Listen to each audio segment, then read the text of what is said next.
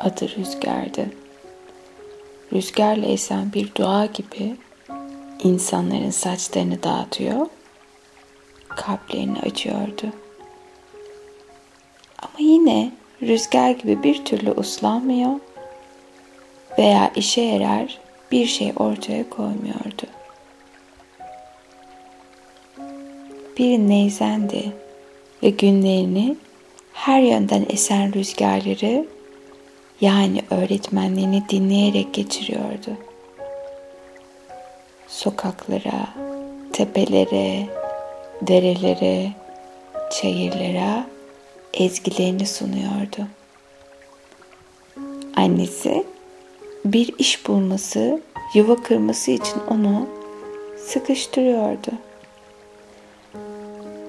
Hangi kadın senin gibi bir hayalperestle evlenmek ister diye ağlıyor ve üzülüyordu annesi. O ise rüzgarla dans edeceği günü bekleyerek geçiriyordu günlerini.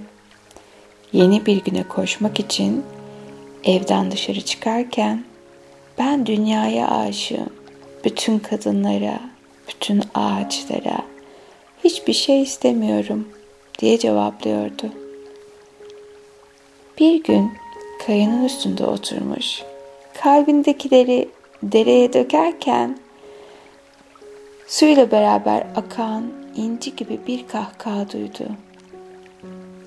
Kayanın üzerinden baktığında sultanın kızının yardımcılarıyla birlikte yıkandığını gördü. Bu hayatında gördüğü en güzel manzaraydı. Kayanın arkasına saklandı ve güzel müziğini çalmaya başladı. Aşkını neyiyle duyurdu. Ertesi gün onu tekrar görmeyi umarak aynı yere ney çalmaya gitti.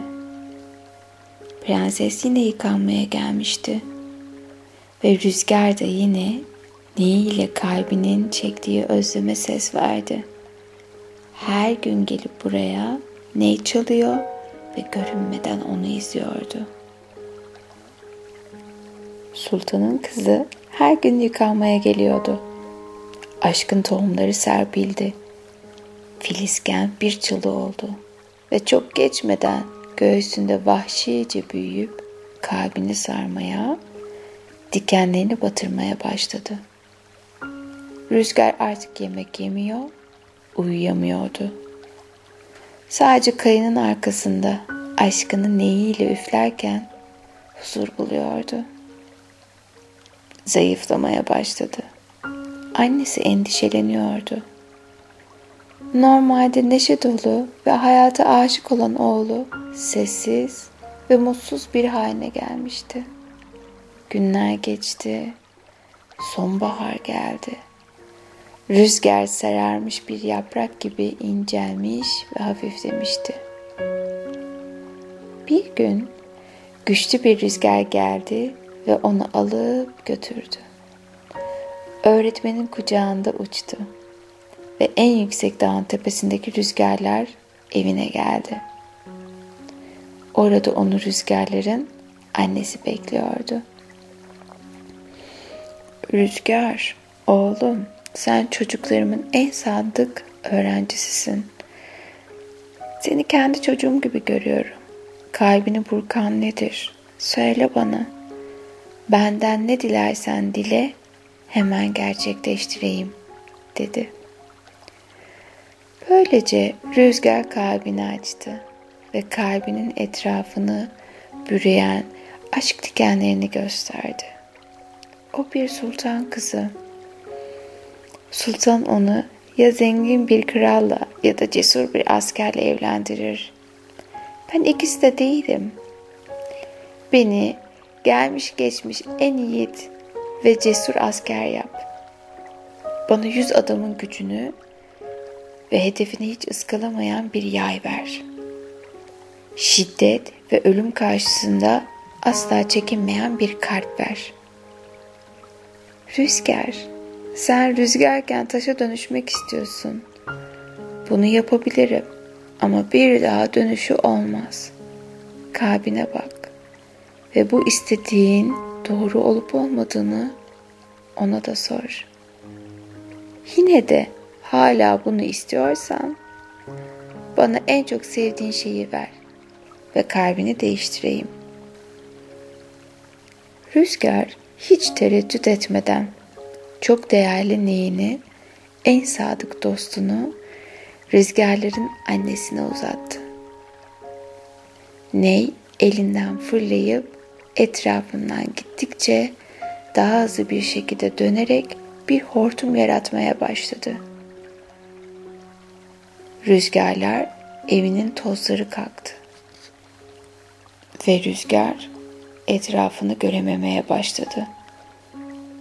Ve sonra da bayıldı. Uyandığında çöldeydi. Kırılmış neyin parçaları etrafa saçılmıştı.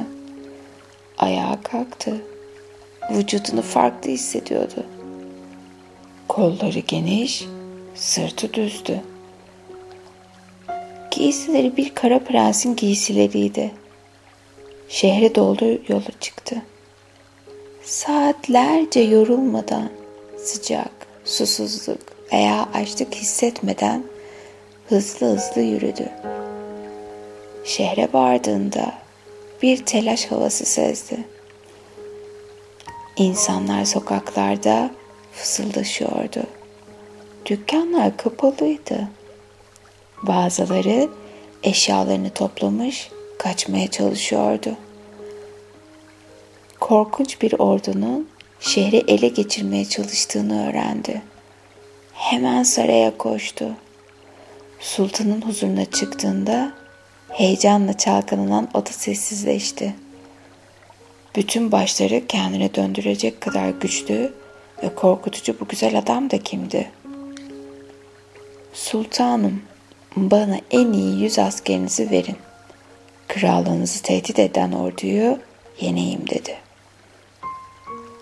Sultan duyduklarına inanamayarak yüz mü? Yaklaşan orduda on binlerce asker var ve sen onları yüz kişiyle mi yeneceğini söylüyorsun diye sordu. Ancak Kara Prens'in gözlerindeki bir şey daha fazla konuşmasına izin vermedi. Emirleri verdi ve Kara Prens kısa bir süre sonra sultanın en iyi atını işgal ordusuna karşı sürüyordu. Kanlı bir savaş oldu. Orduyla karşılaştıklarında bir rüzgar onlara eşlik etti. Askerleri Kara Prens'in gökyüzü gibi genişlediğini, attığı her okla on düşman vurduğunu söyledi. Liderlerinden etkilenip kan kokusuyla heyecanlanan askerler her zamankinden daha cesurca savaştılar ve güneşin toz ve rüzgarlar karşısında hiç yüzünü göstermediği üç kanlı günden sonra bir sessizlik, derin ancak ölümün dansından sonra gelen müthiş bir sessizlik çöktü. Sonra Kara Prens askerleriyle birlikte yeniden şehre girdi. Başlarından çiçek yaprakları yağıyor, şarkılar söyleniyor, insanlar üzerinden geçtikleri toprağı öpüyordu. Sultan onları sarayın kapısında bizzat karşıladı ve onu nasıl ödüllendireceğini sorduğunda Kara Prens'in söyleyecek tek bir sözü vardı. Kızın. Sultan sevindi. Kızına daha iyi bir talip bulamazdı. Böyle cesur, böyle güçlü, krallığı korumak için her şeyini feda edecek bir adamı nereden bulabilirdi ki? Ayrıca asil tavırları ve derin bakan gözleriyle güzel bir adamdı. Hemen kabul etti. Ve kızı huzura getirildi. Ertesi gün Kara Prens ve Prenses bahçede buluştular. Prens diz çöküp prensesin elini tuttu ve ona aşkıyla yandığını söyledi. Kız kafasını çevirip konuşmaya başladı. Ben prensesim ve babam kimi seçerse onunla evlenmek zorundayım. Ülkemize büyük hizmet ettin ve seninle evleneceğim. Sana karşı iyi ve uysal olacağım. Ama kalbim asla senin olmayacak. Çünkü ben çoktan başkasına verdim. Bana kızma. Sıradan bir gündü. Nehirde yıkanıyordum. Ve birden güzel bir ezgi duydum. Bir kayanın arkasında bir adam yaklaşmış ve saklanmıştı. Gözlerini kapamış, neyini üflüyordu. Şarkısı kalbimi açtı. Ve kalbime aşkın tohumunu ekti. Her gün onu tekrar görmeyi ve dinlemeyi umarak nehre gittim. Ve hep oradaydı. Müziği günden güne güzelleşiyordu. Ve tohum büyüyüp dikenli bir çalıya dönüşerek kalbimi tamamen sardı. Şimdi onu sıkı sıkı tutuyor, karın olacağım ama kalbim sonsuza kadar bu aşkın hapsinde olacak. Rüzgarların annesi onu uyarmıştı. Zehir geri çevrilemezdi. Kaya gibi sert adamın dudaklarından bir ah, rüzgarların en küçüğü çıktı. Ve hiçbir şey söylemeden başka savaşlara, başka seferlere ve kendi kalbinden olabildiğince uzağa gitmek üzere atını atlayıp saraydan ayrıldı. Peki bu güzel masal bize ne anlattı? Özgün ol. Sosyal olarak kabul görmek üzere kendini değiştirmekten vazgeç. Kabul görmek yerine özgün olmayı seç. Bir maskenin ardında kazanılan hiçbir zafer tam olarak mutluluk vermez. Aktörün yalnızlığı kadar büyük bir yalnızlık, olmadığın bir şey için sevilmek kadar büyük bir reddediliş yoktur. Özgünün sesini bul. Söylemen gereken tek şey o değerli şarkı. Dokumaya ekleyeceğin o renkli ipliği bul. Dünyanın dengesi ancak herkes hayatın büyük resmine kendi rengiyle gerçek bir katkı sağlarsa kurulabilir. Sadece dünyaya sadece sana özgü bir şekilde nasıl katkı sağlıyorsun? Hoşuna giden ama çevren tarafından gereksiz bulunduğu veya uygunsuz görüldüğü için yapmaktan vazgeçtiğin bir şey var mı? Sor kendine. Uyum sağlamak zorunda kaldığın, sosyal baskı altında hissettiğin durumlar neler? Peki sence senin enerjin hangi elementtir? Doğa elementi ne? Hangi doğal elementle kendini yakın hissediyorsun? Yağmur, şimşek, ağaç, kaya. Her bir doğal elementi gözünde canlandırmak ve hissetmek için zaman ayır kendine ve onlarla nasıl bir bağ kurduğunu gözlemle. Her bir element kişiliğinin hangi yönlerini su yüzüne çıkarıyor.